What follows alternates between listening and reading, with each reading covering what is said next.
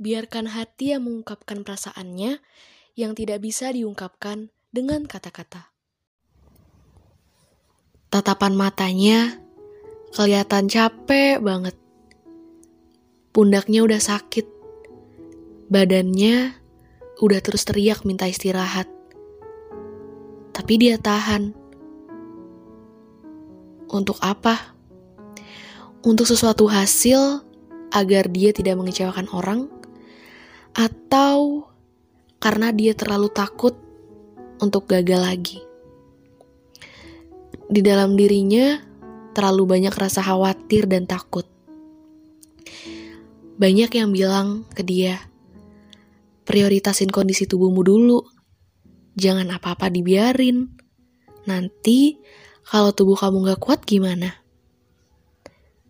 Tapi yang dia cuma bisa jawab adalah, Iya tahu, habis gimana?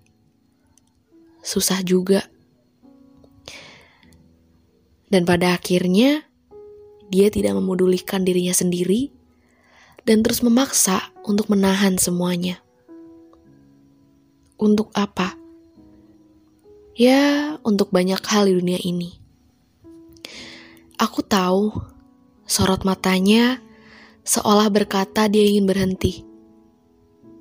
Sorot matanya seolah berkata dia ingin keluar dari sini.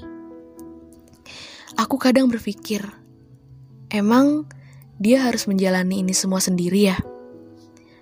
Apa nggak ada orang lain di samping dia untuk menemani dia melewati ini? Karena terlalu sakit jika harus melihat dia jatuh dan bangkit sendiri tanpa pertolongan siapa pun. Tapi aku lupa, dia itu selalu kuat dan berhasil bangkit setelah jatuh. Ya walaupun berkali-kali dia mengeluh, pada akhirnya dia berhasil bangkit sendiri. Kalau aku tanya, alasan apa yang membuat kamu bangkit?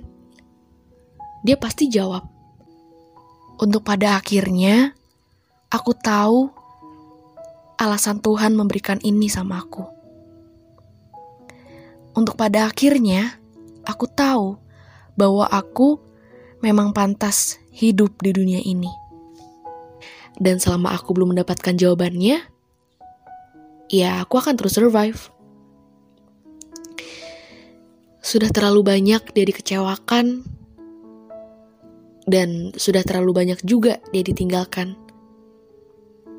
Tapi sampai detik ini, dia masih berharap dan dia masih percaya bahwa nanti akan ada seseorang yang tidak mau mengecewakan dan terus ada di samping dia. Gimana pun kondisi dia. Dia itu hebat. Mau selelah apa pun, mau sesakit apa pun, dia tetap bilang, Gak apa-apa, nanti juga bakal hilang kok. Kalau aja aku bisa, aku pengen lari ke dia dan peluk dia sangat erat. Meminjamkan bahuku untuk dia bersender. Aku juga bakal rela mendengarkan semua keluhannya. Semua yang dia pendam semua yang dia simpan karena terlalu sakit. Tapi yang aku bisa lakukan untuk dia adalah selalu ada sampai akhir ketika orang-orang tidak ada untuk dia.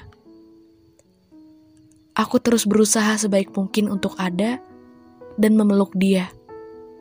Ya, walau kadang dia benci aku. Tapi dia tuh gak sadar saat orang-orang gak hadir untuk dia, pada akhirnya, cuman aku yang ada.